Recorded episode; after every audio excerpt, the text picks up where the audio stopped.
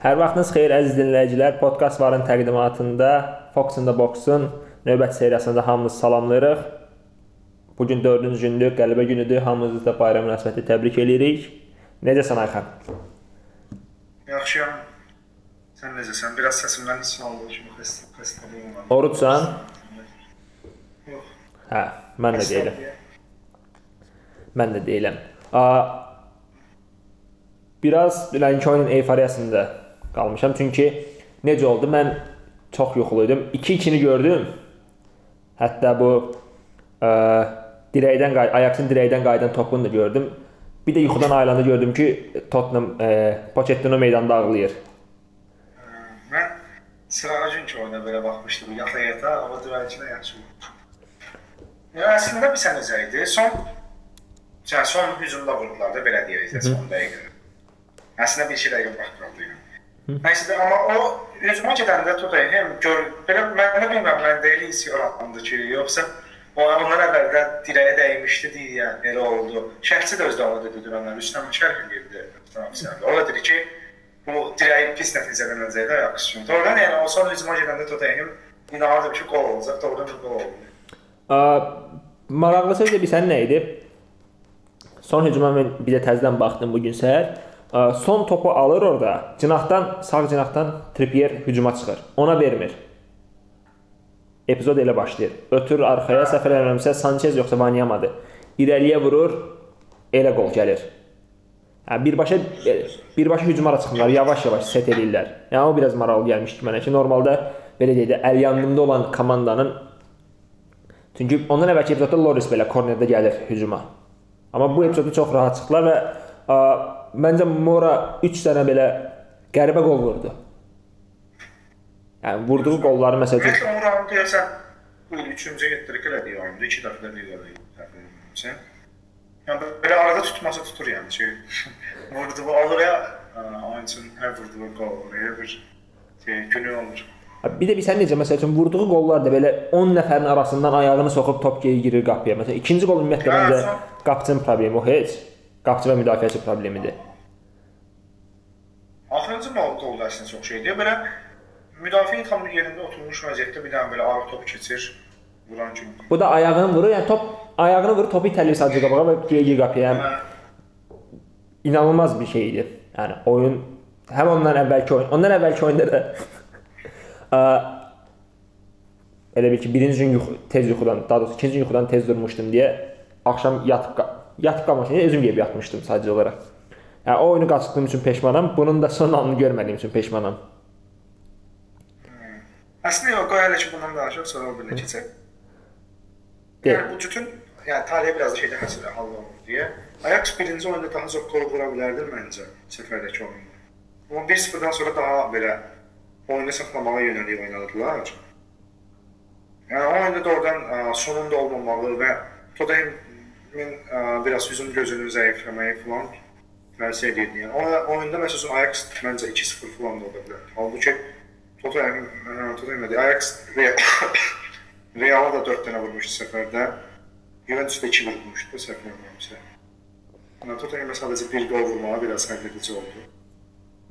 Bir də ki, ə... yəni bu oyunda bu oyunda amma şeydə, yəni oyunda 2-0 oyunda başlayıblar birinci hissədə.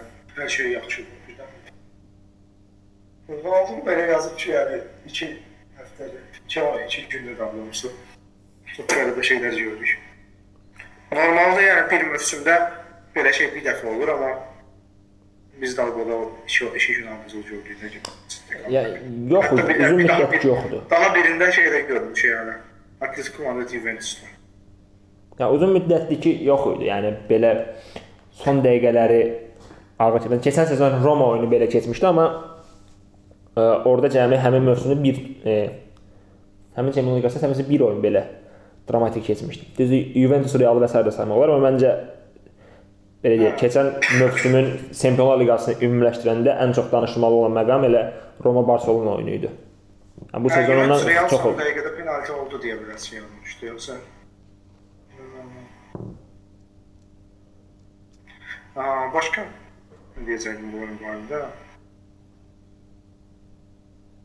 Yəni əslində ə, amma deyirdim ki, hə 2-0 öndə başladı Ajax və hər şey yaxşıdır onlar üçün. Amma ikinci hissədən sonra oyun çox dəyişdi. Yəni o Roma oyununda da elə görünürdü ki, Roma bu oyunu çevirə bilərdi ki, sənki Roma qarşısında. Şəra burada da aydın görünür ki, Tottenham çevirə biləcəyi bu oyunu. Yəni bəlkə də tutduğu epizodları vursaydı Ajax indi belə rahat danışmırdı, amma vur, vur, vura bilmir də. Yəni Liverpool oyununda da elə oldu. Liverpool 1-0 öne keçdi və birinci hissədə bir neçə epizoda oldu Barcelona'nın. Yəni gördülər ki, bunlar vura bilməyəcəklərdi. Bunu biraz özlərə inamları gəldi ondan sonra. Onda icazənlə bunu bir Azərbaycan şərhçisi cümləsi ilə tamamlayım. Vurmayana vurarlar da, düzdür? Nice oldu. Amma bayaq demək istədim ki, yəni Rüstəm yaxşı ki, o cümləyi işlətmədi, amma dedi ki, bu bunun axırı yaxşı qutarmayacaq. Yəni, oradayım.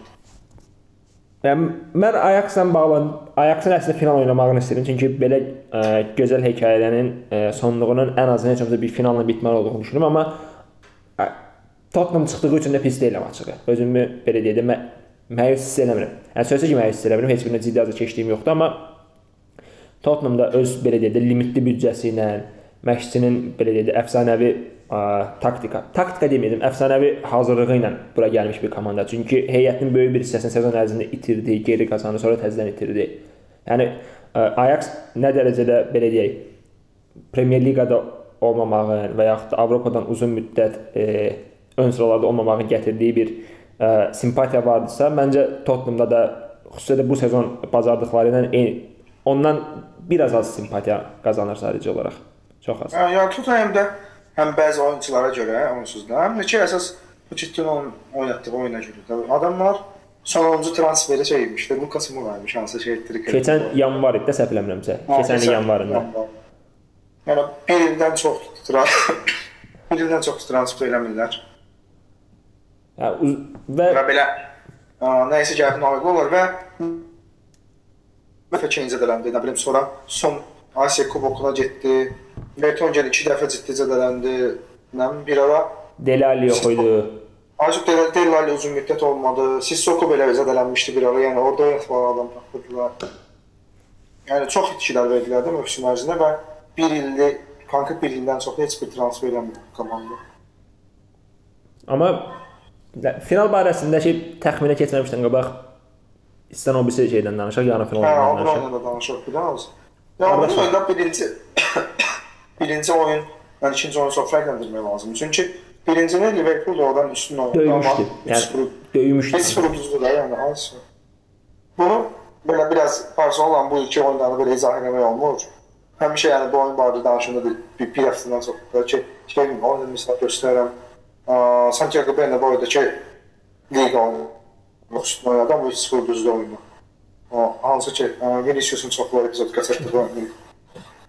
Yəni oradan Barcelona belə oyunları olurdu. Mövsümdə pis oynayıb amma Messinin, daha çox Messinin sayəsində və digər oyunçuların, Alba'nın, Ter Stegen'in falan sayəsində oynadıqları oyunlar. O, bu da o tipdə oynayırdı. Yəni Klopp konkret birinci oyuna döydü var verdini. Yəni ikinci oyunda komanda da döydü, yəni. Ay sağ ol. İkinci oyunda artıq komanda da döydülər, yəni. İkinci oyunda Messi də bir şey edə bilmədi. Alba belə mövsümdə bəlkə ən pis oyununu oynadı. Yəni, biraz Vidal yaxşı oynadı.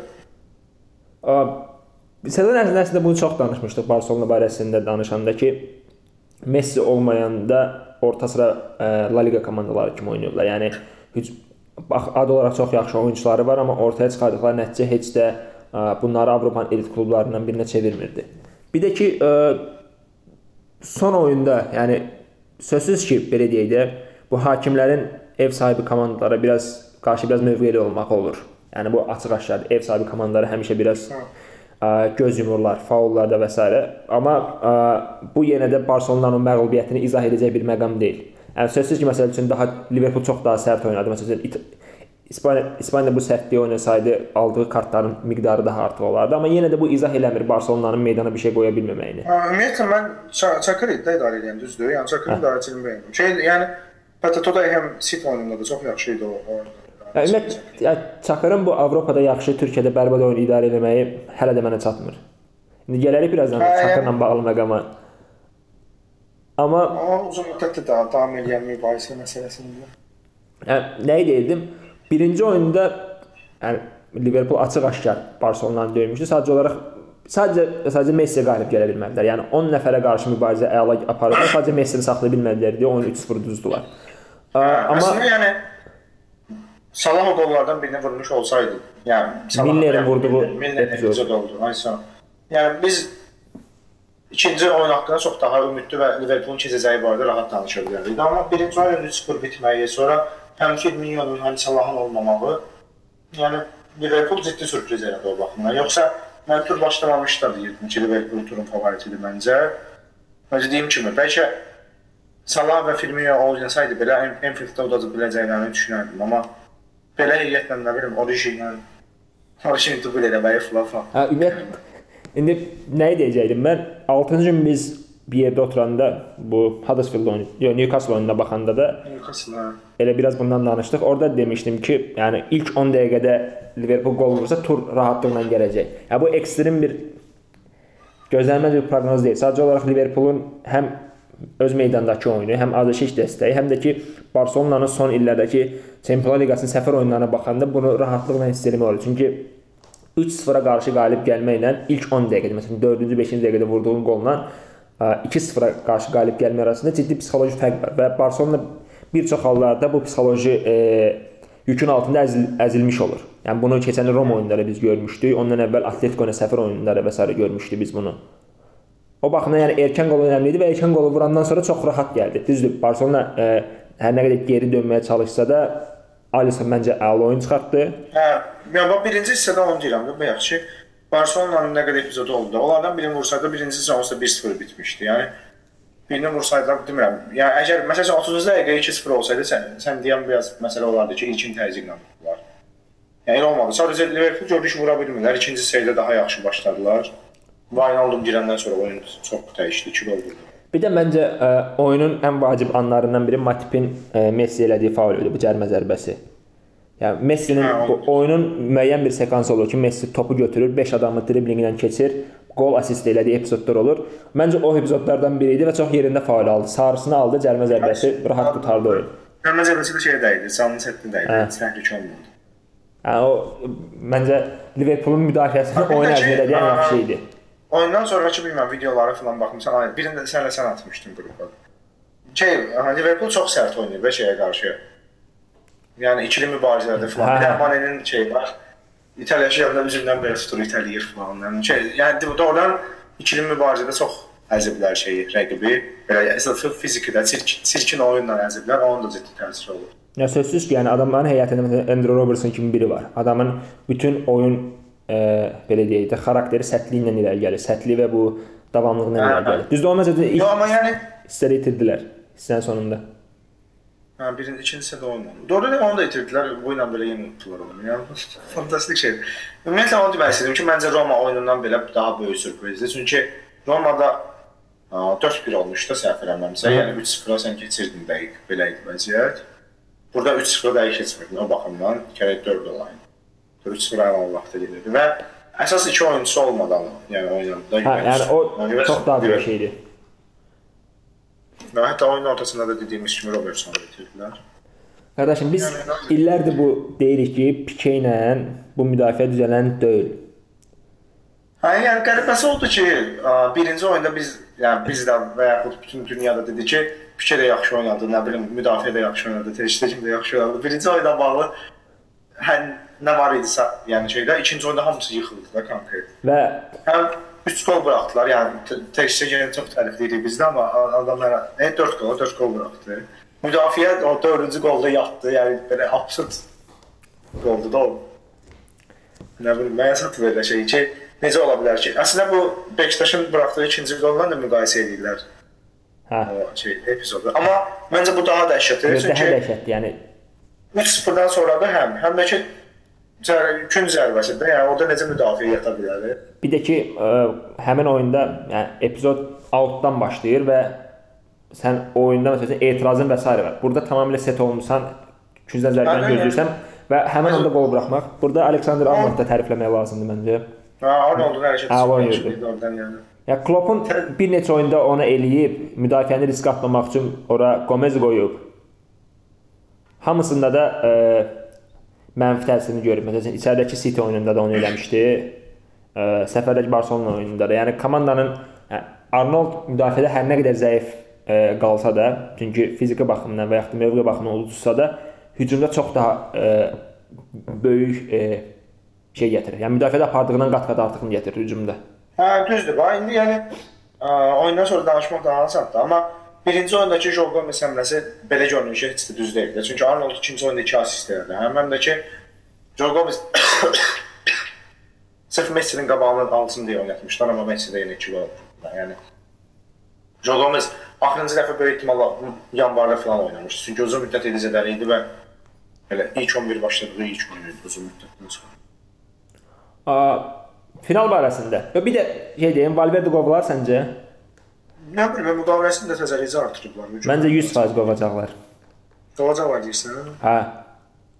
Mənim deyirlər Messi, yəni o qalmağını istəyir falan bir. Ha Messi isə onu saxlayarlar. Yəni çünki deyirlər ki, Messi düşünür ki, onu ən yaxşı istifadə edən odur. Nə bilim, final barəsində nə düşünürsən? Mən məncə Liverpool favoritdir yəni. Əgər Kane olmayacaqsa. Kane-i bilmirəm, yəni mövsüm bağladığını deyirlər, amma dünən qaçırdı. Əvvəli başda qaçırdı. hə. Yəni gəldi mənə. Salah 100% oynamır. Yəni Bilmirəm, Salah da hələ ki dəqiq deyil. Firmino qayıda bilər, Keita qayıtmır. qayıda bilər. Salah Ke- dəqiq deyil. Necə? Keita mövsümü bağlayıb. Ha, Keita yəni qayıtmayacaq, o dəqiqdir. A, normal hallarda, yəni normal şərtlərdə məncə Liverpool favoritdir. Yəni, indi də favoritdir, ayrı məsələ. Yəni Liverpool daha doğrusu udmalıdır. Amma Pochettino-da nə desən gözləmək olar. Çünki ə, yəni, çox risk ata bilir oyunu və tək oyunda, yəni itirə Hə, biləcək aynen, heç nə yoxdur. Tək oyunda itirə oyunda, yəni hər şey eləyə bilər o oyun ərzində, yəni. Və üstəlik ə, oyunun nə vaxt olmağını da nəzərə almaq lazımdır. Böyük ehtimalla böyük ehtimalla deyəndə gələn həftə liqa bitir də düzdür. Həftə sonu Premyer Liqa Hə. bitir. Premyer Liqa Sonra bütün oyunlar eyni saatda başlayır Hə, oynanır. Həftə sonu Premyer Liqa bitir, ayın sonuna doğru finaldır. Bu deməkdir ki, Tottenham əgər həftə sonu evində ə, Evertona xal itirsə, Dörd final nə vaxtdır? Məncə iyunun əvvəlidir. dəqiq Çünki Avroliqa finalından sonradır da yəqin ki, elə deyil. gözlə mən onun tarixinə baxıram, nə deyirəm? Avroliqa 29-udur. O da yəqin ondan sonra olar. Deməli iyunun ondan düşür. Hə, Ayın ayın 1-i. Ayın 1-idir. Hə, nə deyirdim?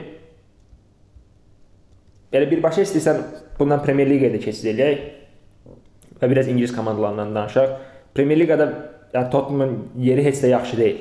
İndi bir dənə səndən sualım var, sən daha yaxşı bilərsən onu, çünki mən əmin deyiləm ondan. Həftə sonu Tottenham bir xal qazansa, ə, Çempionlar Liqasına gedə bilər rahatlıqla.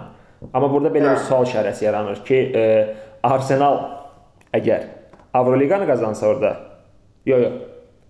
Ars Tottenham xal itirsə, yəni məğlub olsa, Arsenal uçsa 70-70 orxallar.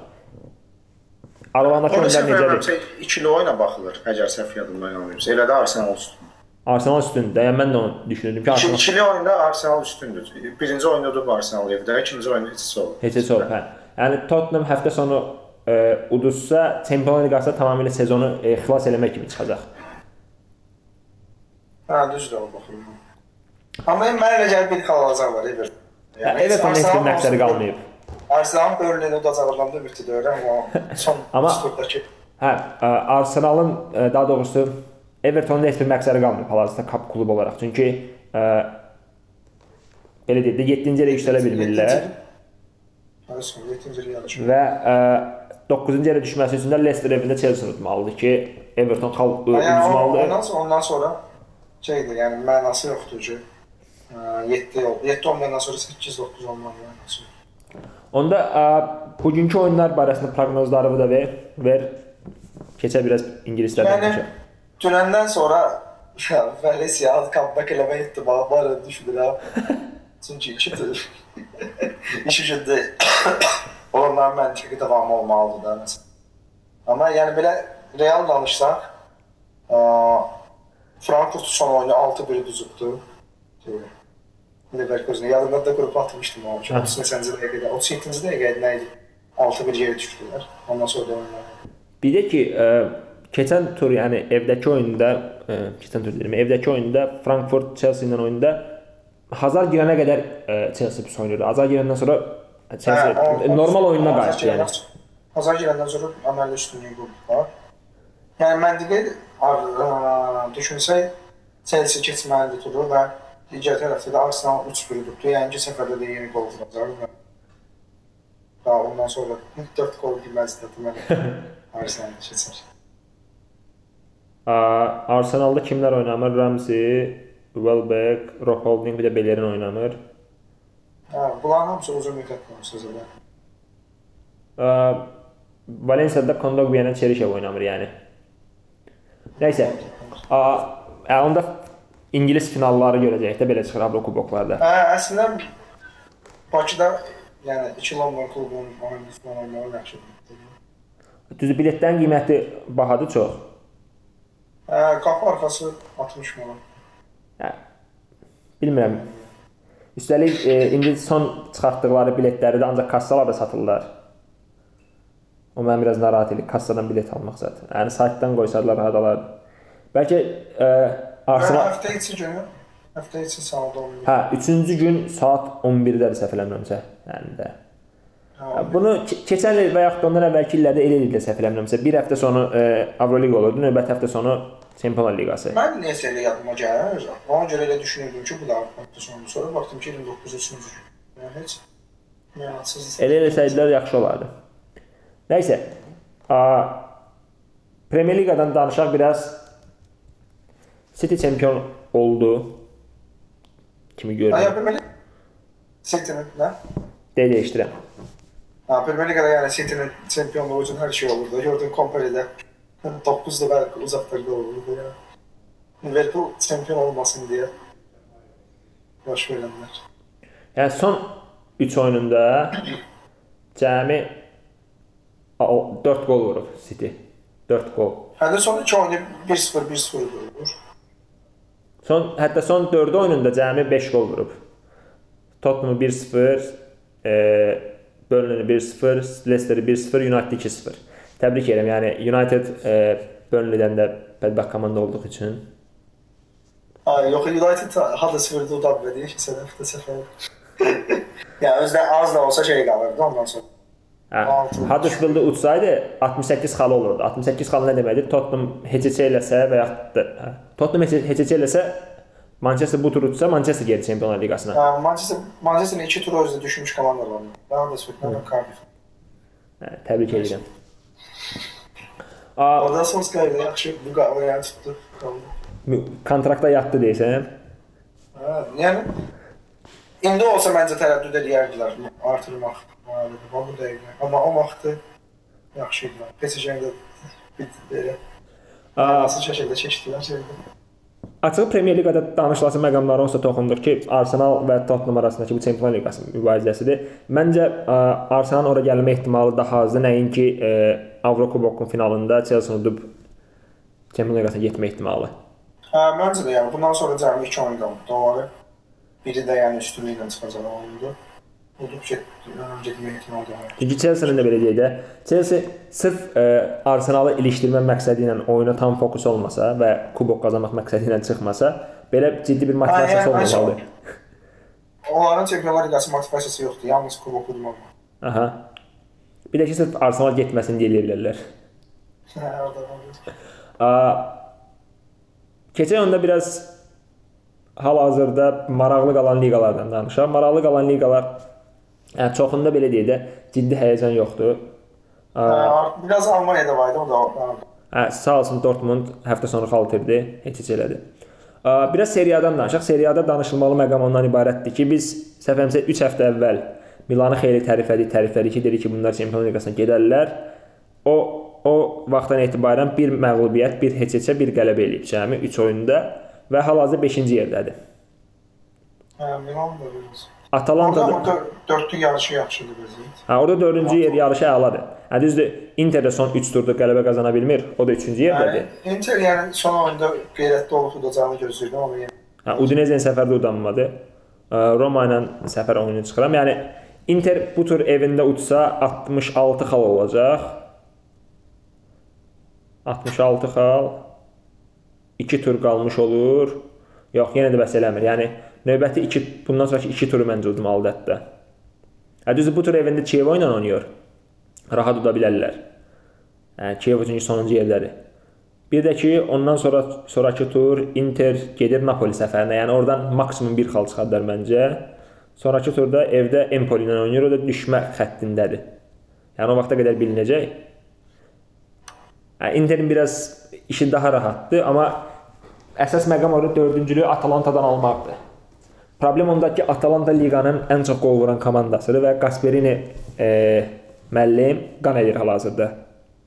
Hə, yəni məncə Atalanta daha üstündə olmaq oyununda. Yəni liqanın ə, keçən dəfə nəyə baxırdım mən? Ən çox qol vuran ikinci oyunçusu ə, ordadır Zapata. Sonra ə, yaxşı da bir neçə dənə bu balaca qaqaşın adı həmişə əlimdən çıxır. Yan deyəcəm mən. Hə, Gomez. Yox, başqa bir dənə var. Papu Gomez demirsən? İki, İliçisi deyirsən. yox, iki verəcəm. Aysən, İliç. İliçdən əvvəl mən Papu Gomez də deyirəm. Yəni ə, heyətləri yəni bəs eləyir məncə vəziyyəti e, Çempionlar Çempionlar Liqasına getməyə, amma biraz fikstürünə baxmaq lazım. Gözə bir dənə fikstürünə baxım, daha dəqiq deyim ki, Atalantanın vəziyyəti nə yerdədir. Atalanta evdə bu tur Genoa ilə oynayır. Növbəti tur səfərdə Juventusla oynayır. Yəni belə şans yoxdur. Sonrakı tur evdə Sassuolo ilə oynayır. Genoa, Sassuolo, bir də Juventus düzdür. Hə. Genoa'nın liqada qalma təhlükəsi var biraz. Çünki düşmə xəttinə cəmi 4 xal yuxarıdadır. Sassuolo'nun heç bir məqsədi qalmayıb. Juventusun da yəni heç bir məqsədi qalmayıb hal-hazırda. Hə, yəni hazır dövrdə Juventusla oynamaq yaxşıdır. Hə, Çünki o baxımdan da daha rahatdır. Özlərini yormayacaqlar. Bir də ki, ə, Milan biraz, yəni ora ciddi iddiası olan məncə Milan və Romadır. Hər ikisinin fikstürünə baxanda nə var? Milan bu tur səfərdə Fiorentina ilə oynayır, sonra evində Frosinone ilə, sonra da səfərdə Spal ilə oynayır. Yəni nisbətən Frosinone düşmüş komandadır.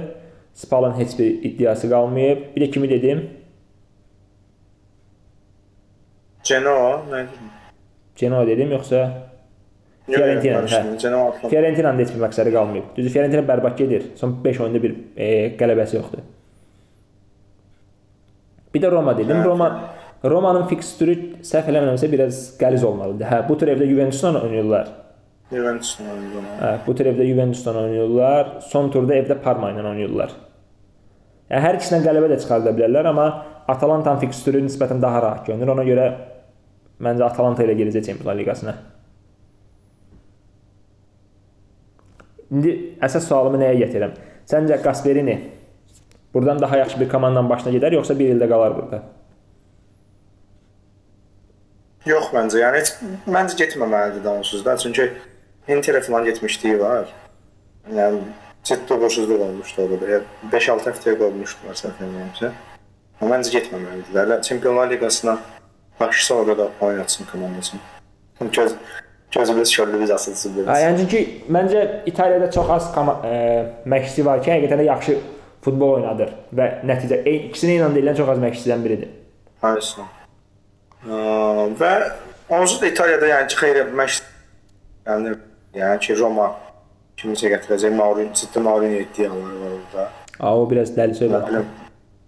Sonra Juventus'un bilmirəm Allegri ilə davam edəcək yoxsa yox. Inter Conte'ni istəyir də, yəni ciddi ciddi. Milan bilmirəm nə edəcək. Qartız olar daha belirləyər. Sonra Başqa kimlər var idi orada? Kim məşqçi söhbət var. Napoli yəqin yoxdur ilə davam edir. Başqa şey yox. Hə, məndə Napoli dəyişməz. Sən nə düşünürsən? Milan əgər Gattuso göndərib gətirməlidir yoxsa? Məndə Gattuzo göndərməlidir, məncə. Gattuzo göndərməlidir, amma kimi gətirər o böyük bir sual işarəsidir. Çünki komanda top e, belə deyək də liqa, yəni A- Çempionlar Liqasına gedə bilmədiyi təqdirdə çox çətindir hansı məşqçini e, inandırıb ora gətirmək. Yaxşı məşqçini inandırıb ora gətirmək. Hə, şey söhbətlər var idi. Bu Roma Di Francesco'da Di Francesco söhbətləri var idi. Ya başta değil de o da. Düzce biraz bu Çempionlar Ligasında yarım final oynamaq falan reytingini artırdı onun. Ha, Evdə sözsüz. yaxşı başladı demiş. Aa, Onda bir-iki dənə son liqaların biraz vəziyyətinə baxıb keçək. Türkiyə liqasına da ondan da yekunlaşdıraq. Hə, Türkiyədən danışa bilərik. Çünki dediyim kimi Almaniyada bir şey qalmadı. Almaniyada əsas məsələ nədir? 4-cü ildən Çempionlar Liqasına qatılmaqdır. Yəni Hə, orada o yarış daha yaxşıdır Hə, hal-hazırda. Frankfurt, Leverkusen, Mönchengladbach, Wolfsburg hər üçünün 54, 54, 52, 52 xalları var. Hətta Hoffenheimdə bura qaçan 51 xalı var. Hə, son tur özdə 4-ü oradan bir-biri ilə oynayır. Mönchengladbach Hoffenheimla şeydə Leverkusen-də Frankfurtla. Hə, bu turu deyirsən də sən, yoxsa son turu deyirsən? Hə, keçən tur keçmiş turu. Hə. Leverkusen 6-1 tutdu, şeydə 2-2 oldu o bir oyun. Hə, Leverkusen onsuz da formdadır. Son 4 oyununda qələbə qazanıb gəlirlər. Növbəti turda gedəcəklər Schalke. Yox, evdə Schalke oynayacaqlar. Yəni Schalke-nin düşmə ehtimalı yoxdur. Yuxarı qalxmaq üçün onlara heç bir şey verməyəcək. Ona görə rahat məncə Leverkusen udar, amma işi çətin Hə, olan Schalke rahat oynayacaq. Ə, Frankfurt ə, evində Mainz-dan oynayacaq. Mönchengladbach səfərdə Nürnberg-də oynayacaq. Nürnberg artıq düşüb kimi görünür. Wolfsburg Stuttgart-dan oynayacaq. Stuttgart ə, Hə, orada düşmə dəqiqdir də. Stuttgart şey oynuyor deyəsən. Hə, nədir? Play-off oynayır, qalan ikisi düşür. Hamburqdan ə, Hamburq nədir? Nürnbergdən Hanoverdə böyük ehtimalla düşür. 4-cü yer açığı mənim istədiyim burada Leverkusen getməkdir. Amma ə, məncə Mönchengladbach da heç pis oyun oynamır. Düzdür, son vaxtda formsuzdur, amma sezon əvvəl sezon ümidi Hə, götürmək. sezon əvvəli München daha yaxşı idi, amma məncə də yəni ya Frankfurt ya Leverkusen getməyi daha ədalətli olar ümumi götürəndə. Aa, La Ligada biraz e, dördüncülük mübarizəsi gedir. E, Xetafe və Xetafe Valencia Sevilla arasında. Hə, Sevilla amma son tur uduzdu. Ha, Sevilla son iki turda uduzur. Yəni birində ev 2 turda. Hə, son. iki tur uduzur. Birində səf- evində Leganese 3 tur uduzdu. Yəni təbrik edirəm buna görə Sevillanı. E, Xetafe bu tur Barcelona ilə oynayır səfərdə. Yəni 3 xal qabaq oynayan Barcelona- Valencia. Aha. Təm, təmin eləyibdi şey. Hə, çempionluğu- çempionluğu. çempion- Məncə ciddiyə almayacaqlar bu oyunu yenə.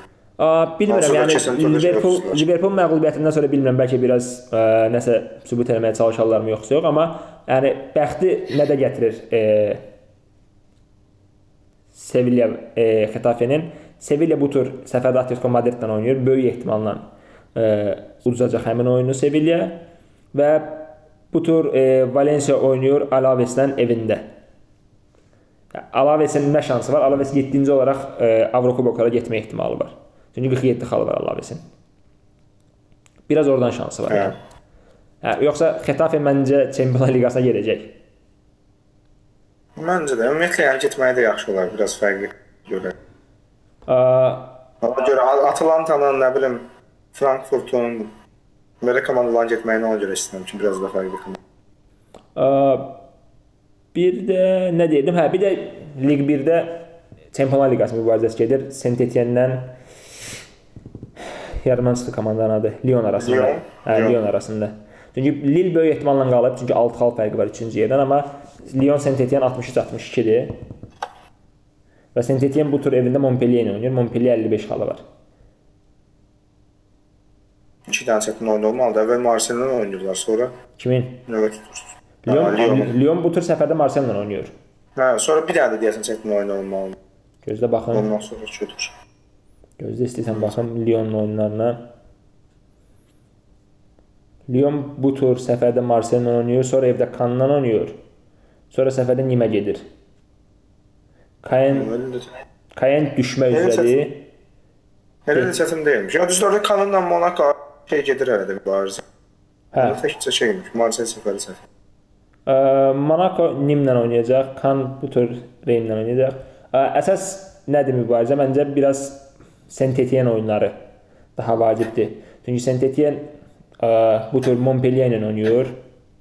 Montpellier 5 e, 5-ci yerdədir. Növbəti tur Nice-lə oynayır evində. Nice 7-ci yerdədir. Və son turda səfərdə Angers gedir. Angers də məqsədsiz komandadır. Yəni Lyonun yəni çempionluq şansı məncə daha realdır. Hə, baxın. Onda bunları bitirdiksə biraz keçək dünyanın ən maraqlı liqasından danışaq.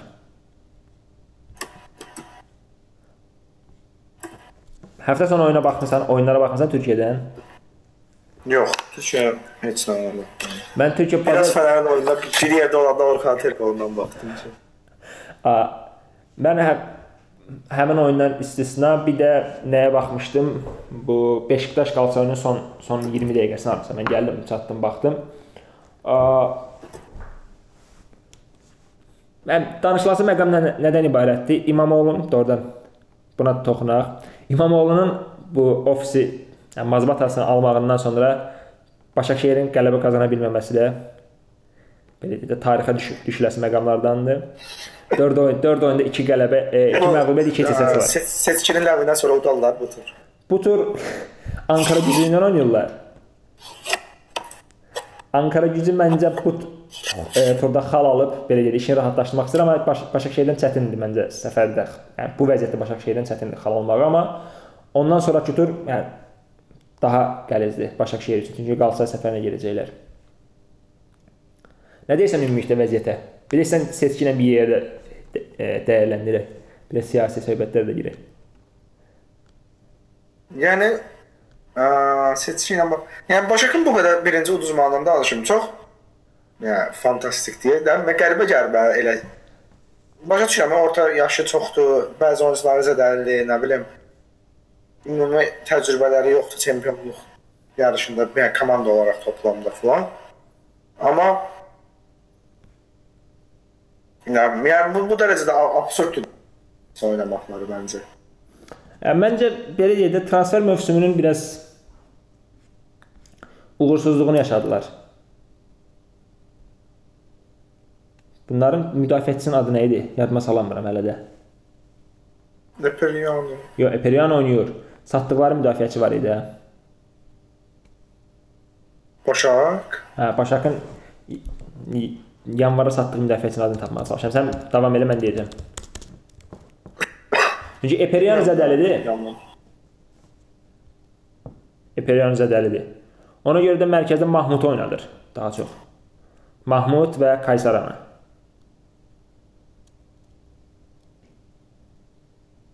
Bircə gözdə tapacam indi. Yəni nəysə, ə, deyirsən ki, onu satmağın çempionluğu satın. Yox, yəni çempionluq satmaq kimi yox. Sadəcə olaraq hal-hazırda yəni Başakşehir uzun müddət liqanı öndə götürməyin əsas səbəblərindən biri ə, müdafiədə çox yaxşı olmağı idi. Amma Eperian zədələndən sonra çünki məncə komandanın ən yaxşı oyunçularından biridir Bişka ilə bir yerdə. O zədələnəndən sonra işi daha çətin olur. Gözü görüm tapa biləcəyim transactionsda.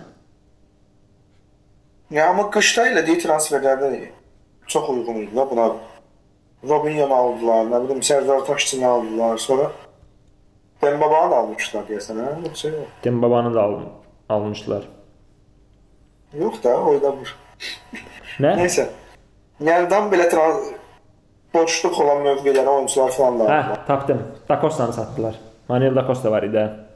Hə, hə, hə. Yəni çünki ə, mərkəz ə, müdafiədə vacib yerlərdən birini tuturdu. Keçən sezonda yaxşı oynamışdı, bu sezonda yaxşı oynayırdı. 4 milyon yarım pul verdilər deyə satdılar onu. Məncə satmamalıdılar. Yəni çempionluğu təbii ki, itirən səbəb o deyil, amma ə, təsir edən səbəblərdən biri məncə odur. Hə, düz, başa düşdüm. Bir də ki, komanda tutmur o plan. Yəni sezon boyunca Tottenham Arsenal e, müzakirəsində çox danışırlar ki, bunu Tottenham son dəqiqə qolları ilə və s. çox e, qalib gəlir və ə, bunun sayəsində öndədir.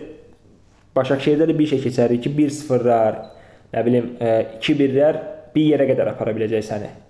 Yəni sənin bütün planın bir qol vurub oyunu tutmaqdırsa, vura bilmədiyin oyunlarda bu belə deyək, bu plan üstüvə dağılacaq. O da ki, son neçə oyunlarda hamısını görə bilirik. Məsəl üçün ə, evdə uduzduqları oyun hansı idi? Göztepe uduzduqları oyunda. Göztəklərlə. Və yaxud da bu heç elədikləri oyun var idi. Alanyaya heç eləmişlər deyəsən. Gözlə baxım. Yox, Rizenin heç elədikləri oyunda, penaldan vurduq, qol vurduqları oyunda. Həmin oyunun özündə də yəni. nəyi görə bilirdi? Yəni o ilk qol səndən yox, rəqibdən gələndən sonra Başakşehirin ciddi problemləri meydana çıxırdı. Və budur məsələ. Yoxsa yəni sözsüz ki, o dediyim bütün detallar, nə bilim, komandanın zəif olması, zəif yox, daha doğrusu təcrübəsi və sair olması təsir eləyir. Hətta seçki də məncə ciddi təsir eləyir. Çünki komandanın gələcəyi məncə böyük sual altındadır. Sponsorluq gəlirləri və s. hamısı ə, əgər yenidən İmamoğlu seçilsə ki, seçilməyi gözləyirik, seçilsə yəni o plan, o qurduqları uzun müddətli plan, inkişaf, Avropaya getmək, çempionluq, sonra komandanın satılması planı tamamilə batmış olacaq məncə. Sən nə deyirsən? Hə, o baxımdan düzdür yəni. Yəni İmam Çidə qabağa çıxışdan demişdi ki, mənasızda o klubun yaranmağı və üç böyüklərlə mübarizəyə qoşulmağı filan. Amma mən düşünmürəm oyunçuların psixologiyasına bu məsələ ciddi təsir. Yox, məncə oyunçuların psixologiyasından daha çox yəni rəhbərlik o zaman vecdə olmaz məncə ki, kimsə kimsə. Yəni müqaviləsi var, pulunu alacaqdı onsuz da. Hə. Amma ə, rəhbərlik və sair baxımından düzdür. Yəni çünki onların mən belə başa düşürəm ki, klubu sonradan satmaq, daha baha qiymətə satmaq fikirləri var. Avropa kubokları falan. Çempionlar Liqasında oynadı. Amma o, o məsələ belə görünür ki, tutmayacaq və biz gözlədiyimiz kimi ikinci seçkin, yəni təkrar seçkində İmamoğlu olacaqsa, klubun gələn ilki şeyi də sual altına düşür artıq. Maliyyə vəziyyəti gəlirlər məsələn məsələsi. Bəli. A Keçən öndə bir çempionluq yarışından danışaq. Mən Qalatasaray həftə sonu uddu. Məncə ə, hakim səhvləri və s. var ki, bunu həmişə danışmışıq. Ə, Qalatasaray məncə kartların vermədiyi epizodlar var. Beşiktaşa mənasız kartlar verdiyi epizodlar da var. Ə, amma bir şey dəqiq idi ki, ə, Beşiktaş həmin oyuna oyunu tutmaq, Qalatasaray oyuna oyunu qazanmaq üçün çıxmışdı. Yəni Qalatasarayın başqa bir ehtimal yox idi çempionluq üçün. Düzdür. Necib nə onsuz da orta xəttdə başlamağı da onu göstərir. Şənol Günəşin ki, daha ehtiyatlı olmaq. Ümumiyyətlə o çox mənasız şeydir. Çünki onsuz da Güvən və Atiba oynadırsansa, sən deməli müdafiəni düşürmə. Bir də ki, elə şeylər var idi ki, oyunda ümumiyyətlə, yəni heç cür başa düşmək olmurdu. Hə, məsəl üçün də tutaq ki, e, bir dənə izah verim sənə. Kagawa oyunda sadəcə 15 dəqiqə oynayıb, düzdür? Hı. Amma heyətə baxırsan ki, hə, kimlər ondan daha çox oynayıb. Necib ondan daha çox oynayıb məsəl üçün. Niyə? Yəni Necib, Dorxan, Atiba. Yəni bu bu yarım müdafiənin hücum yaratmaq ehtimalı yoxdur. Həqiqətən yoxdur. Yəni onda sən qalasa sadəcə Liyaç üçün ayağına ki, məncə qalasa müdafiə baxımından yaxşı iş görmüşdü oyunda. Yəni Qalatasaray da sözsüz ki, yəni oyunu ehtiyatlı başlamış. Çünki Fernando Donkla başlamışdılar. Uzun müddətli Badun istifadə eləmir Terim. Amma ən azından Feguli, Berhanda, Mariano ə, e, üçlüyü var Qalatasarayın oyun qurmaq baxımından yaxşı olan. Amma sən qalırdın sadəcə və sadəcə Liaçla. Çünki ə, e, Adriano da olmayanda komanda cinahdan ümumiyyətlə oyun qura bilmir.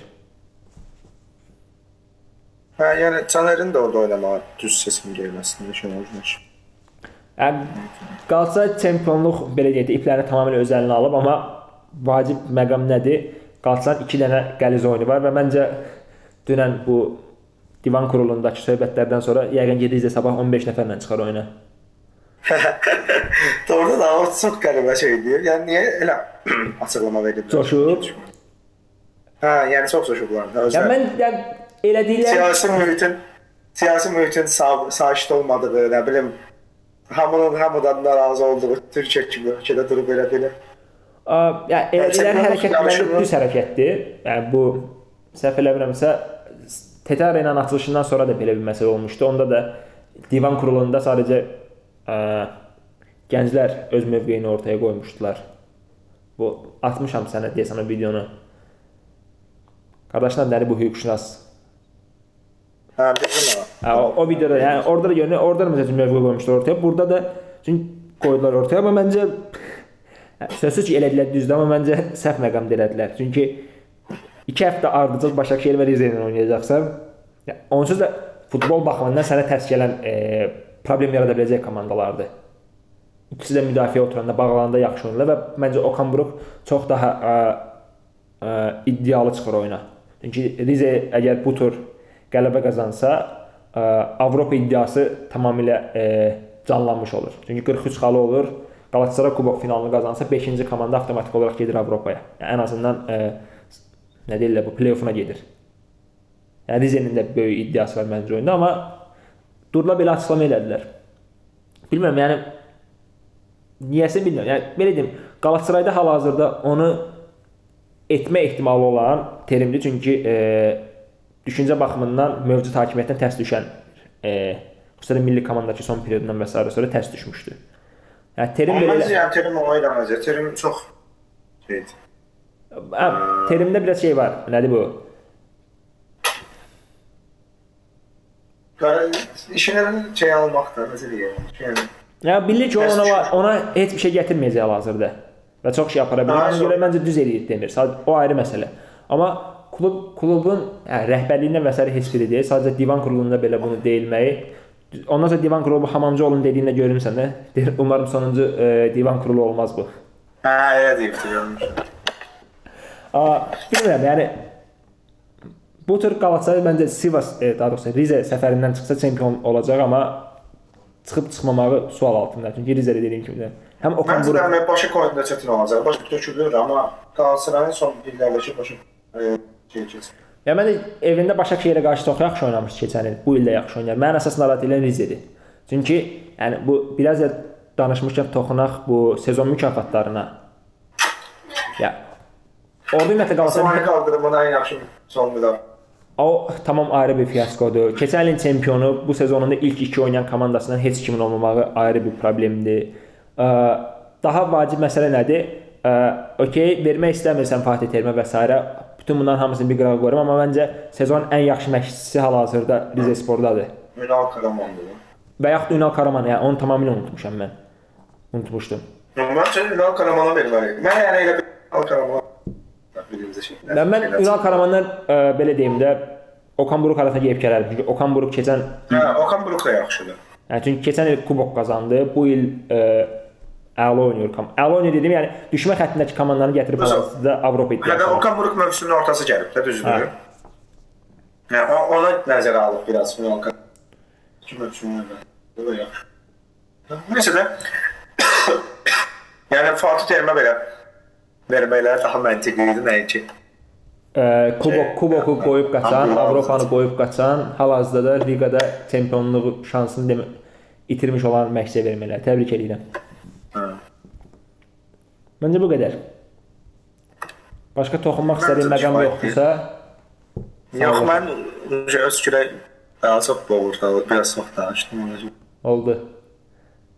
Onda hamı ilə sağollaşaq. Gələn həftə görüşmək ümidi ilə. Hə. Özünüzə yaxşı baxın. Sağ olun.